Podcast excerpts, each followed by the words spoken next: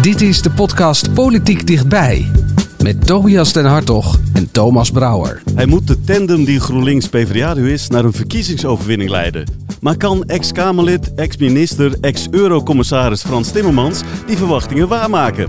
Hoe groot is de invloed van de man die in 2001 nog in Time Magazine 100 meest invloedrijke personen in Europa stond? En is er na 22 november überhaupt wel een linkskabinet te formeren? Dat en meer bespreken we vandaag met politiek verslaggever Hans van Soest en Frans Timmermans zelf natuurlijk. Ja, uh, meneer Timmermans, afgelopen dinsdag hadden we hier Caroline van der Plas van BBB in de studio en die had een vraag aan u. Hoe vindt u zelf dat het is gegaan vanaf het moment dat u als lijsttrekker werd gebombardeerd tot nu toe? Valt het tegen? Valt het mee? Had u dingen anders gedaan de afgelopen weken? En hoe kijkt u naar 22 november? Ja, meneer Timmermans, hoe is het bevallen? Hartstikke goed. Um, ik vind het eigenlijk best een, een, wonder dat die twee partijen elkaar zo goed gevonden hebben. Dat het met heel veel steun van de leden gelukt is uh, om een lijsttrekker uh, aan te wijzen. Met heel veel steun van de leden gelukt is om een mooi verkiezingsprogramma te maken in hele korte tijd. Dat is best knap. Ja, en dan heel even over de campagne. Wat heel vaak moeten campagneleiders ook allerlei dingen doen waar ze zich eigenlijk niet zo heel gemakkelijk bij voelen. Heeft u dat ook al meegemaakt? Um, ja, je doet ook dingen waar, die ik niet zelf spontaan verzonnen zou hebben. Hè. Die horen er ook uh, bij. Um, Zaklopen? Nou, dat, dat nog net niet. Dat nog net niet. Maar ik vind vooral, uh, het is wat minder dan vroeger, maar vooral uh, van die ja of nee vragen. De samenleving, de wereld is is te complex om altijd uh, ja of nee uh, op uh, vragen te kunnen beantwoorden. En het valt me op dat dat veel minder wordt gedaan dan in het verleden. Dus nou, wij gaan het leren ook bij. niet doen, zijn we Nee, nee, nee, nee. maar we hadden wel een vraag, want over inhoudelijk dan over die verkiezingscampagne. Het jaartal 2030 voor de stikstofreductie, dat heeft u laten varen na een gesprek met uh, boeren. Na één gesprek met boeren, zo leek het wel. Nee, ik heb een aantal, een, een hele reeks van gesprekken gehad, ook toen ik nog bij de Europese Commissie zat en uh, nu ook in de afgelopen maanden, met name met jonge boeren. In de afgelopen maanden zijn dat twee uitvoerige gesprekken met een hele grote groep jonge boeren. En ik heb voortdurend gezegd, die doelen, de natuur moet zich voldoende kunnen herstellen in 2030, die kunnen we niet laten uh, vallen. Dat moet wettelijk, maar dat is ook omdat de natuur er zo slecht voor uh, staat, heel dringend noodzakelijk. Die boeren zeggen, ja, maar dat pad uh, met een expliciet stikstofdoel van 230, uh, dat, dat zien we niet zitten, maar we willen wel het doel halen. Nou, dan zeg ik, oké, okay, dan laat maar zien hoe je dat doel kan halen. Ja met een ander pad. En dan valt daar met mij over te praten. Maar het doel op zich, zoals we hebben afgesproken in ons verkiezingsprogramma, valt niet um, zeg maar te relativeren. Want ja. de natuur in Nederland, mensen, staat er echt slecht voor. Dus, okay. dus de weg naar Rome kan anders zijn, maar Rome blijft het einddoel. Dus 2030 staat. Precies, en dat is, dat is ook precies wat uh, in de regels van de Europese Commissie staat. De natuur in Nederland moet zich kunnen herstellen. Ja. Uh, en stikstof, je kan niet dat doen zonder uh, een reductie van de stikstofuitstoot. Uh, maar er zijn verschillende uh, paden mogelijk om daar te komen. Maar stel, we trekken hier een deur open, staan een boer achter, dan zou je zeggen, uh, uiteindelijk 2030, dat staat toch helaas wel overeind. Ja, maar ik heb ook tegen de boeren gezegd, als jullie denken dat het op een andere manier kan, sta ik daarvoor open. Maar we gaan niet doen wat we nu al 20 jaar doen. Iedere keer zeggen het kan op een andere manier en vervolgens niks doen. En daardoor zijn we in Nederland in de problemen gekomen en daardoor staat onze natuur er zo slecht voor. Uw uitspraak over 2030 leidde wel tot wat, uh, wat onrust in, in uw achterban. En hetzelfde gold over een ander punt, uh, namelijk de leden zeiden van, we moeten de monarchie afschaffen bij het vaststellen van het verkiezingsprogramma. En daarvan zei u, nou dat heeft niet helemaal mijn prioriteit. Nou, ik vind als je um, uh, met zoveel steun van de leden tot leider van een partij, van twee partijen wordt uh, uh, uitgeroepen, dan weten de leden ook voor wie ze kiezen. En dan heb je ook als partijleider de verantwoordelijkheid om tegen leden te zeggen: ik hoor jullie uitspraak, ik respecteer jullie uitspraak, maar niet iedere uitspraak die jullie doen is voor mij even urgent. En voor mij is uh, halvering van de armoede in Nederland veel, veel urgenter dan het einde maken aan de, aan de monarchie. Maar u zegt urgent, je zou kunnen zeggen dit is een democratisch besluit van de achterban. Ja, dat heb je uit te voeren. Maar, dat, ja, maar ja, minder maar, urgent ligt, dat klinkt onder op de stapel nou, en dan kijken we er het, niet meer naar. Ja, dat, maar dat heb ik ook eerlijk tegen de achterban gezegd. Voor mij ligt het onder op de stapel. Jullie uitspraak staat, maar voor mij ligt het onder op de stapel. En ik vind dat wel. Maar hoe democratisch is dat dan? Nou, dat, dat, is, dat is denk ik de goede wisselwerking tussen hoe je een leiding geeft aan een partij en hoe je luistert naar wat die partij uh, wil. En ik ben daar heel helder over. Je kan er ook niet over hebben. Je kan er ook omheen praten. Maar ik wil daar uh, helderheid over hebben, zodat men precies weet wat men aan mij heeft. Straks gaan we verder over uw partijprogramma. Maar wat weten we eigenlijk van Frans Timmermans zelf? Franciscus Cornelis Gerardus Maria, kortweg Frans, Timmermans, leerde Russisch spreken toen hij tijdens zijn militaire dienst werd opgeleid als ondervrager van Russische krijgsgevangenen. Daarna spreekt hij nog vijf talen. I've listened very carefully to this debate. Ich bin wirklich sehr froh. L'Italie se décide. Ma questo cambiamento può essere positivo. Maar spreekt Frans Timmermans ook de taal van het volk? Het linkse smaaldeel heeft zijn hoop op hem gevestigd om na Drees, Den Uyl en Kok weer eens een linkse premier in het torentje te krijgen. Om dat te bereiken hebben zijn partij, de PvdA en GroenLinks de krachten gebundeld. Het is een volgende belangrijke stap die wij zetten in de weg die we zijn ingeslagen om samen te werken. Timmermans is de voorman van die linkse combinatie en aan hem de taak om ook kiezers die anders niet op deze partijen zouden stemmen te overtuigen dat nu toch te doen. Als je gelijk wilt krijgen, moet je aan de macht. En dan is macht geen vies woord, dan is macht een instrument om datgene te doen voor de mensen die jou nodig hebben wat nodig is. Timmermans is een hartstochtelijk fan van Rode JC. Zijn we het geflikt? Zijn we het geflikt? Zingt in de auto graag mee met Bruce Springsteen en is gespecialiseerd in Franse letterkunde. Bij de Europese verkiezingen van 2019 maakte hij zijn partij de grootste. Is dit het Frans Timmermans effect geweest? Zeker. Frans Timmermans is een geweldige campaigner. Maar lukt het hem straks ook bij de Kamerverkiezingen? Ja, meneer Timmermans, u maakt geen geheim van u wilt premier worden. Gaat u dan ook in het katshuis wonen? Um, God, daar heb ik nog niet over nagedacht. Ja, ik, woon, ik woon in Maastricht, hè, ja. dus ik zal wel een onderkomen in Den Haag moeten Ja, want anders is het wel uh, pendelen, vrees ik. Ja, ja dat, dat zal niet gaan. Maar dat katshuis, dat heeft u nog niet... Uh, ik ken het wel gedacht, van vergaderingen, maar ik heb, uh, nee, daar heb ik nog niet aan gedacht. Ik heb, toen ik minister was, had ik een flat in, in Den Haag. En daar zat ik aan te denken, maar ja, ik weet het niet. Hij staat vrij. Ja, ja, ja, maar het is, niet het, e het is niet het eerste waar het is ik geen, denk. Dat is ook geen prioriteit. Nee, nee, nee, nee, nee ik begrijp het. Nee. Ja, de vraag of u premier wordt of niet, dat wordt niet alleen aan u gesteld. Ook Pieter Omzicht moet in ieder programma antwoord geven op die vraag. Wilt u straks premier worden? Toch even voor de kiezers, ook de mensen die hier in de zaal, in deze studio zitten, die op u wensen uh, te stemmen misschien. Uh, als ze op u stemmen, blijft u in de Tweede Kamer, tenzij er hele rare dingen gebeuren. Ja, dat is mijn voorkeur om in de Tweede Kamer te zitten. Ja. Uh, als fractievoorzitter, ja. Omtzigt blijft toch nog steeds een klein beetje openhouden of je nou wel of niet premier wil worden. En als hij het niet wordt, wie die dan namens zijn partij wel naar voren schuift. Nou heeft u eerder gezegd dat u eigenlijk vindt dat hij duidelijkheid moet geven. Bent u tevreden met dit antwoord? Nou weet je, ik ben zo langzamerhand wel klaar met dat uh, doet hij het of doet hij het niet. Het is een leuk uh, televisiespelletje, maar we zijn niet met een televisiespelletje bezig hier. We zijn met de toekomst van het land bezig. En dit land staat al meer dan duizend dagen gewoon stil. Hè? Sinds de val van Rutte 3 is er niks meer gebeurd, want ze kunnen het nergens over eens worden. En het chagrijn in het land neemt toe. Er moet bestuurd worden. Er moet uh, richting gegeven worden. Het moet op een andere koers gezet worden. En dan leidt zo'n eindeloos spelletje, doet hij het wel of doet hij het niet, leidt gewoon af van de echte problemen. Ik ben er een beetje klaar mee, eerlijk gezegd. Hij doet maar wat hij wil. Um, maar hopelijk kunnen we het hebben over waar het echt over zou moeten gaan. De problemen die mensen bezighouden. Maar u heeft uh, gisteren, meen ik, gezegd, geef nou duidelijkheid. Nou, dit, dit is dan de duidelijkheid waarvan, tenminste, hij vindt dat duidelijk. Maar ja, ik kan me voorstellen dat u er nog wel vraagtekens bij hebt.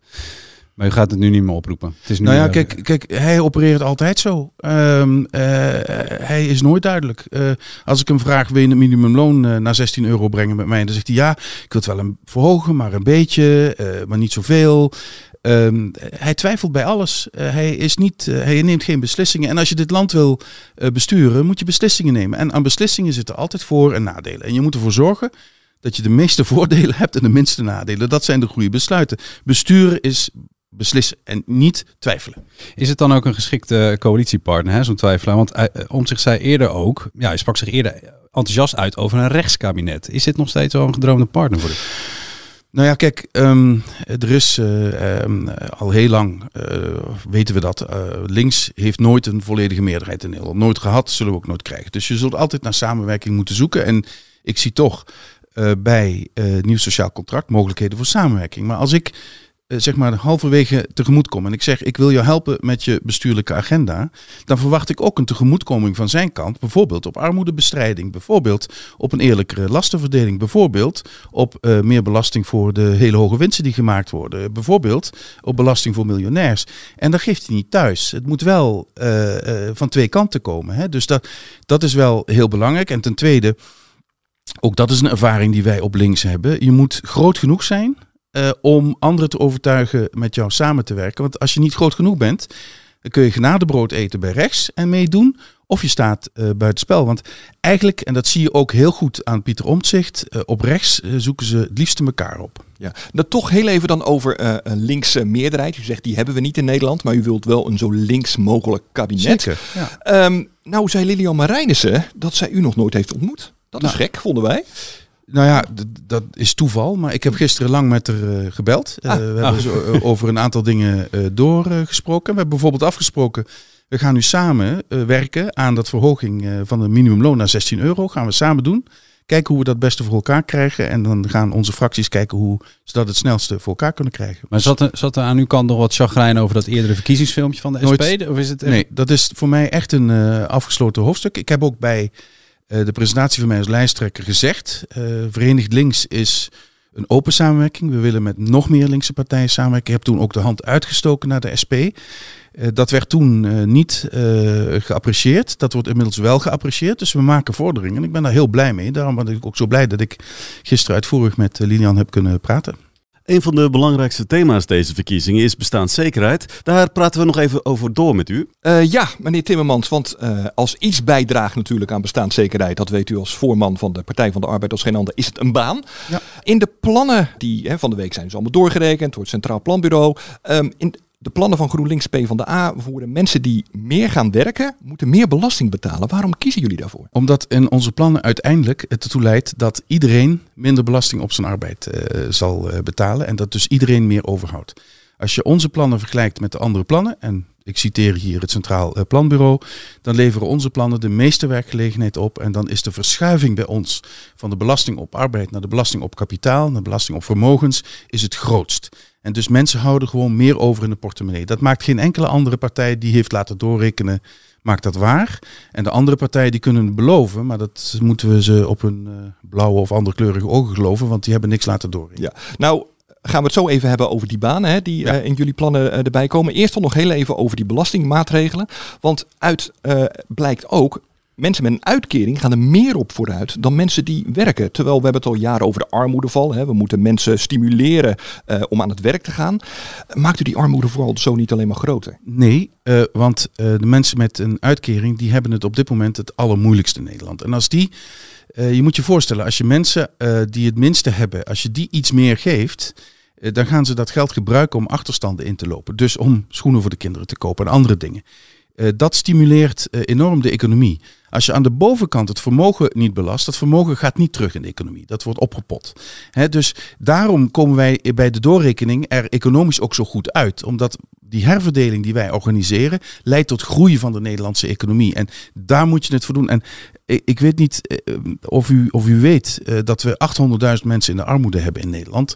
Uh, ja, maar die 800.000 mensen ja. in de armoede zijn niet alleen mensen met een uitkering. Dat nee. zijn ook werkende mensen Zeker. met een laag salaris. Zeker. En die gaan, en die gaan er allemaal op vooruit. Die gaan er allemaal op vooruit in onze plannen. Iedereen tot bijna, uh, wat is het? Iedereen boven, tot boven twee keer modaal. Dus tot boven 80.000 euro gaat erop vooruit. En pas als je echt vermogend bent, dan gaan we van jou iets meer vragen. Uh, mensen met, met uh, meer, uh, die gaan er niet op achteruit, maar miljonairs die gaan er echt wel op achteruit. En die kunnen het hebben ook. Even over die banengroei, hè? want het CPB eh, rekent dan voor dat dat zo'n 8000 banen zou moeten opleveren. Hè? De plannen die u, die u voor ogen heeft.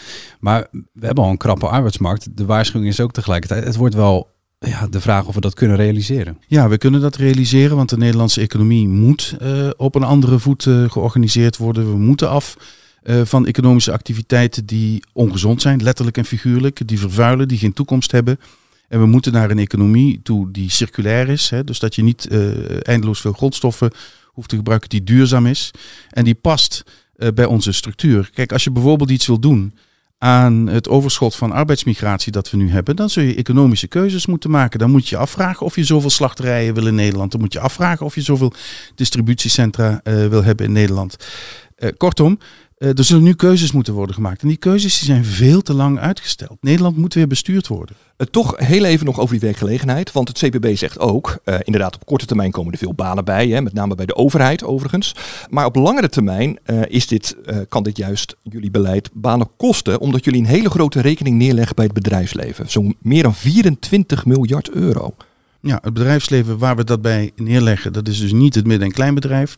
Dat zijn met name de hele grote bedrijven die heel veel winst hebben gemaakt in de afgelopen jaren. Maar ook het midden- en kleinbedrijf u moet eh, weten, gaat erop u moet weten, nee, het midden- en kleinbedrijf krijgt allerlei dingen die het makkelijker maken voor het midden- en kleinbedrijf om te functioneren. Makkelijker maken om mensen aan te nemen. Eh, ze worden ook geholpen als eh, dat niet meer gaat met mensen die zijn aangenomen.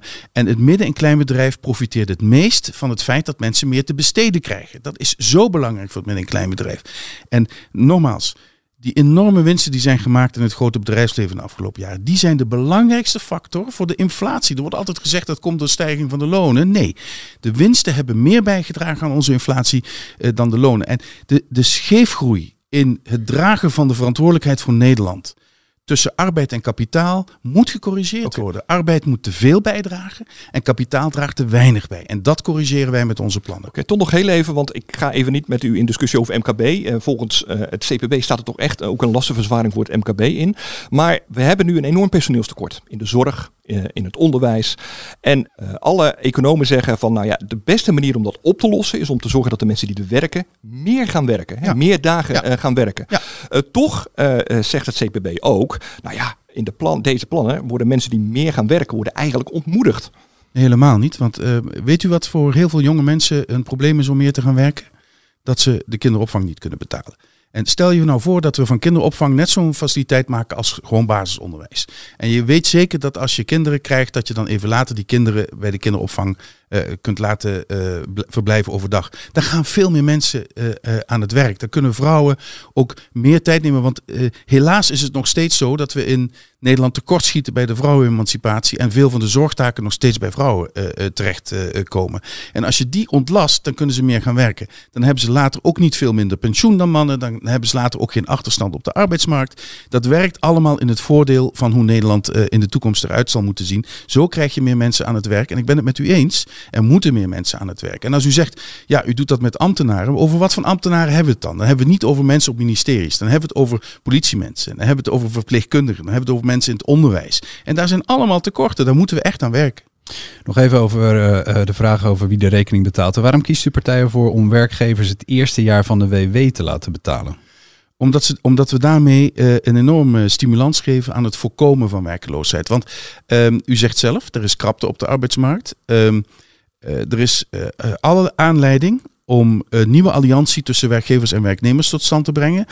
In die industriële regionen van Nederland waar die krapte het duidelijkst is, denk maar aan de regio zoals Eindhoven, dan zie je dat verstandige werkgevers ook bezig zijn met dat soort vraagstukken. Hoe kan ik mensen langer aan mij binden? Hoe kan ik helpen? Hè? Bij- sommige bedrijven, één op de vijf mensen zit in de schulden bij die bedrijven. Hoe kan ik mijn werknemers helpen dat probleem aan te pakken? Eh, een ander bedrijf eh, in de schoonmaakbranche zegt, hoe kan ik mijn mensen helpen eh, iets te doen aan de laaggeletterdheid? Dat ze formulieren beter begrijpen. En zo kan ik ze aan mij binden. Dus de, be- tegelijkertijd- de beweging die je nu ziet in de Nederlandse economie is werkgevers die zeggen, hoe kan ik de werknemers aan mij binden? En dat is een gezonde ontwikkeling. Want die nul-uren contracten, daar moeten we echt vanaf. Mensen moeten vaste contracten hebben. Dat is goed eh, om de onzekerheid in de samenleving eh, te bestrijden. En het is ook gewoon goed voor onze economie. Maar bent u niet bang dat u werkgevers juist kopschuw maakt door ze eh, voor het eerste jaar van de WW te, volledig te laten opdraaien? We zagen dat bijvoorbeeld ook in het verleden bij de ziektewet gebeuren. Nou, wa- wat, wat ik zeker weet, is dat werkgevers op dit moment zitten te springen om personeel. En best bereid zijn om daarin ook stappen in de goede richting te nemen. Dat is wat ik overal in Nederland heb gemerkt de afgelopen tijd. En ehm, ik ben ook wel een beetje klaar met, eh, met al eh, die eh, kreten. Zodra je iets wil veranderen, dan zeg je nee, moet je niet doen, want oh, oh je jaagt de werkgevers weg, et cetera. We zitten met zoveel knelpunten in Nederland. Er zullen nu echt daadkrachtige beslissingen genomen moeten worden. En zoals ik eerder zei, daar zitten voordelen aan en nadelen aan. Maar wij moeten ervoor zorgen dat de grootste voordelen de doorslag geven. We gaan door. Weet je nog niet wie je gaat stemmen? Dan kan de kieswijzer op onze site je misschien helpen. Daarin staan 25 politieke dilemma's. Die zijn ingevuld door de verschillende partijen. Laten we een paar van die dilemma's even doornemen. Ja, meneer Timmans, een van die dilemma's is wapenleveringen aan Oekraïne. Die moeten we verhogen of verminderen? Waar ergens zit u eh, op dat spectrum? Ja, maar dat ligt helemaal aan wat er in Oekraïne gebeurt. Eén ding is voor mij eh, duidelijk en het allerbelangrijkste. Poetin mag deze oorlog niet winnen. En als daarvoor meer wapens voor Oekraïne nodig zijn, dan moeten er meer wapens naar Oekraïne. Ja, ik zag dat u eh, na de inname van de Krim nog zei dat het leveren van wapens vanuit de EU aan Oekraïne bepaald geen bijdrage zal leveren aan het vinden van een oplossing van het conflict. Nou begrijp ik, er is een hoop eh, eh, water door de Maas gegaan sinds die periode. Maar kunt u me uitleggen waarom dat dan niet eh, in conflict is met elkaar? Omdat er toen nog het idee was dat er viel te onderhandelen met uh, Poetin. En dat hij niet verder zou gaan dan wat hij had gedaan. De Krim is ook een hele specifieke omstandigheid. Die is in 1954 door Stalin als een soort cadeau aan Oekraïne gegeven. Dus dat, dat is een andere dynamiek binnen de relatie tussen, de, tussen die twee landen. Maar we hebben nu te maken in Europa met een volledige grondoorlog. die meer doet denken aan de Eerste Wereldoorlog dan aan andere conflicten met loopgraven en tanks, et cetera, et cetera. En als wij niet uh, laten zien dat we in staat zijn om Poetin te stoppen, dat we in staat zijn om hem zich terug te laten trekken achter zijn eigen grenzen, dan zal hij niet stoppen bij Oekraïne. En, en dat besef, dat was er niet in 2014, omdat in 2014 in de internationale gemeenschap niemand kon voorzien dat hij dit zou doen. Wel dat hij zou blijven dreinen, blijven treiteren, blijven dreigen. Uh, dat wel. Uh, maar niet dat hij een volledige invasie van Oekraïne op zou zetten. Dat heeft hij wel gedaan en daarmee, daarin moet hij worden gestopt. Ander dilemma dan. Een van de stellingen is: statushouders moeten voorrang krijgen op een huurwoning. Bent u daarmee Voorrang op wie? Want dat staat er niet bij. Nee, nee, nee. We, de, ook de, ook de, degene die het invullen moet het soms met uh, platte slagenstellingen doen natuurlijk. Ja, maar je kunt met platte slagenstellingen niet het land besturen. Dat spijt me heel nou ja, waar, waar, waar, staat u? De, qua, we hebben een tijdje gehad, die voorrangsregel. Ja. De, was u daarover te spreken bijvoorbeeld? Nou, ik denk dat je um, uh, per gemeente zult moeten zien waar de grootste knelpunten uh, zitten. Ik ben tegen een stelling als eigen volk eerst. Ik ben voor een stelling die zegt mensen met de meeste problemen moeten het eerst geholpen worden. En dat zijn toch eerlijk gezegd vaak statushouders die nergens anders naartoe kunnen. Dus als principe uh, vind ik dat statushouders uh, extra aandacht uh, verdienen, maar niet dat je zegt in alle gevallen voorrang verdienen. Dus ja, ik spijt me, ik moet het ja, nee, dat is prima. Je moet naar de omstandigheden kijken, want je, ja. je kunt natuurlijk ook, je, er is ook een hoop frustratie bij Nederlanders die ook al jaren zitten te wachten bij vader en moeder op zolder. Zeker, maar, maar niet alleen dat. Uh, ik heb ook in Amsterdam gezien, er zijn uh, mensen die echt letterlijk dakloos zijn. Ja. En die gewoon werken hoor. Ja. Uh, en, en dus we hebben een woningnood in Nederland die eigenlijk alleen maar vergelijk, te vergelijken is met de situatie na de Tweede Wereldoorlog. Dus er moet een enorm bouwoffensief komen in de komende jaren. Er moet echt veel meer worden bijgebouwd. Er moet ook voor de verbouwd woningen moeten geschikt worden gemaakt voor de samenleving van vandaag en morgen. En ik denk dat dat een van de grootste opgaven wordt van een uh, nieuw uh, kabinet. Ook omdat mij is opgevallen in de afgelopen maanden in heel veel gesprekken. Dat uh, alle onzekerheden die mensen hebben, dat is, ik kom samen op dat kruispunt van een thuis. Heb ik wel een thuis? Hebben mijn kinderen wel een thuis? Dus ik denk op het moment dat je kunt laten zien dat je het volume aan beschikbare woningen snel kunt vermeerderen. Dat je de, de, zeg maar de, de uh, ontwikkeling op de, op de uh, woningmarkt kunt verbeteren. Dan neem je ook andere onzekerheden bij mensen weg. Dus ik denk dat het cruciaal wordt hoe we wonen aanpakken de komende jaren.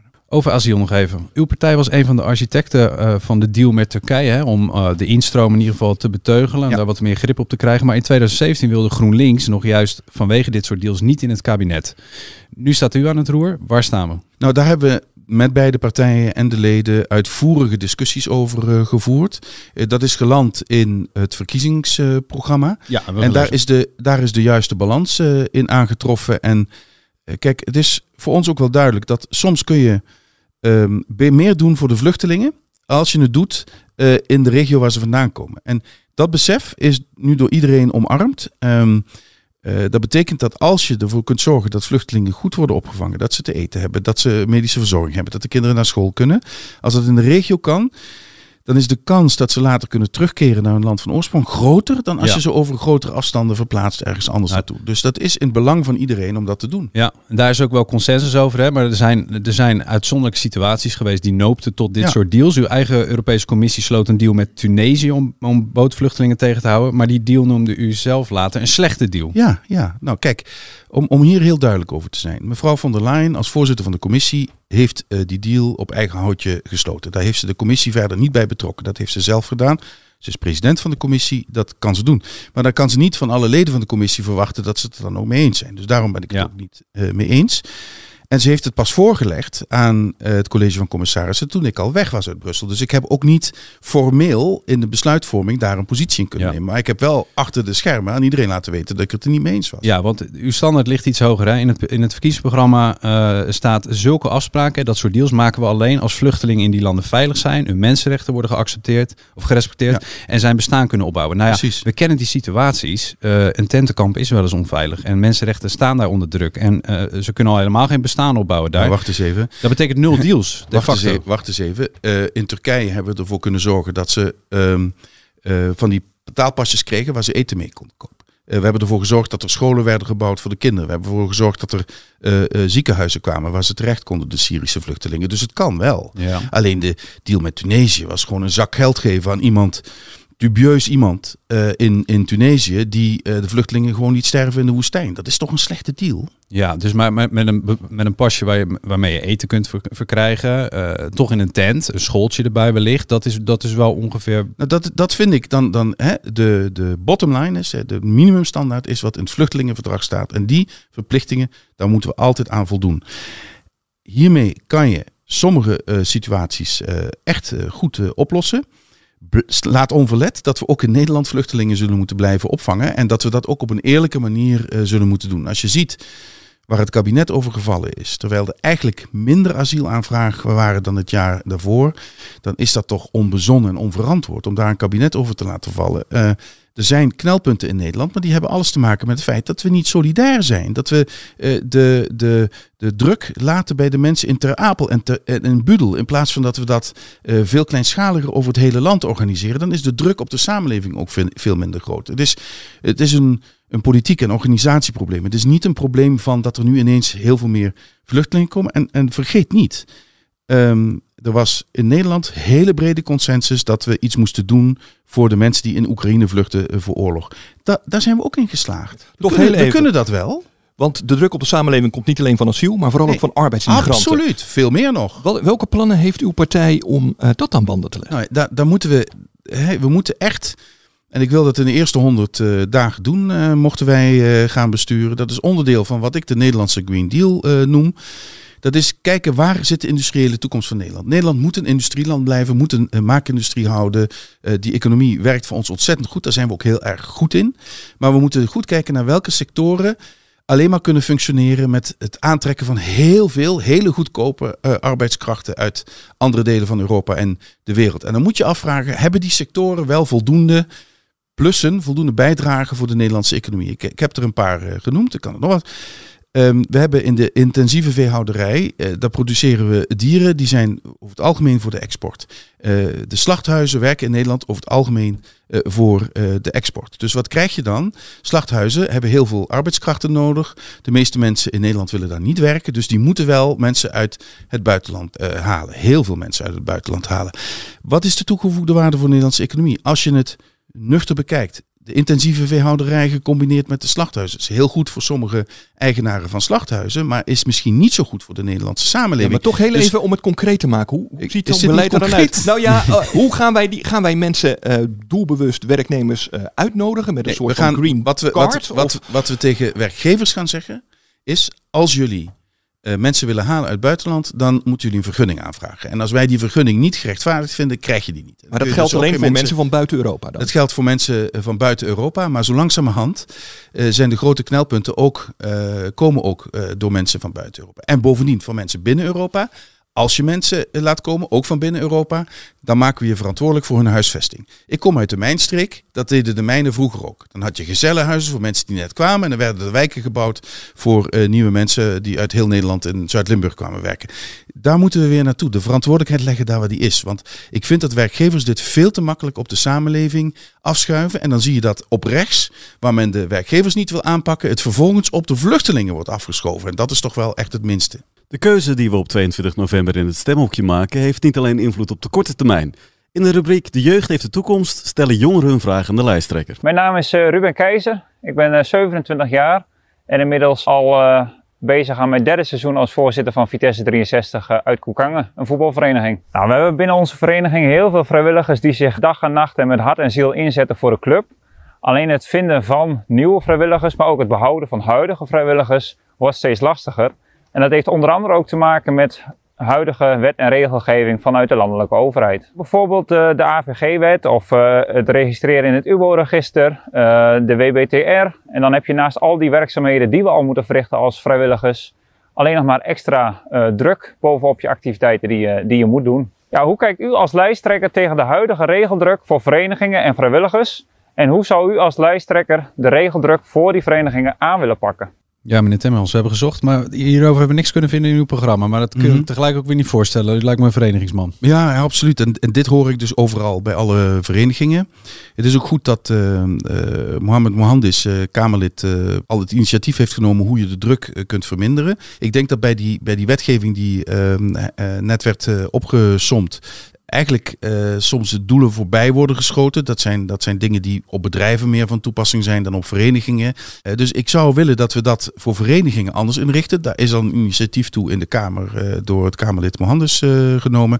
Maar ik zou ook willen dat we verenigingen eens wat meer gaan ondersteunen. Misschien in combinatie van verenigingen met af en toe eens een professionele arbeidskracht erop te zetten. Dus ik denk dat dat heel goed zou kunnen met de basisbanen die wij voorstellen. Ik heb dat in, in, in Groningen gezien, waar ze dat al doen. En daar kan je eh, sommige administratieve dingen, kan je dan verenigingen echt ontlasten. En dan maak je het makkelijker om- voor mensen om ook actief te worden in verenigingen. De campagne is in volle gang. Nog eh, twaalf dagen, dan is het zover. Stel nou, 22 november, u wordt de grootste. Dan moet het torentje eh, moet weer worden ingevuld. Die kan opnieuw worden ingericht. Wat gaat u aan de muur hangen als eh, premier?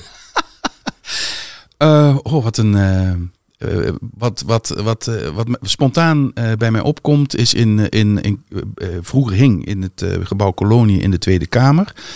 Een prachtig portret van Willem Drees achter zijn bureau met een pen in zijn hand. Nou, dat zou ik een torentje op. Willem Drees. Als, toch een beetje als inspiratiebron. dan. Absoluut. Ja, absoluut. de man Die heeft- wat, wat die al na de oorlog voor elkaar heeft gekregen voor Nederland. Is Hij, is- hij heeft wel gebroken met de Partij van de Arbeid later. Ja, ja, eh, zo maken we allemaal keuzes in het leven. Maar hij is voor mij nog steeds een inspiratiebron.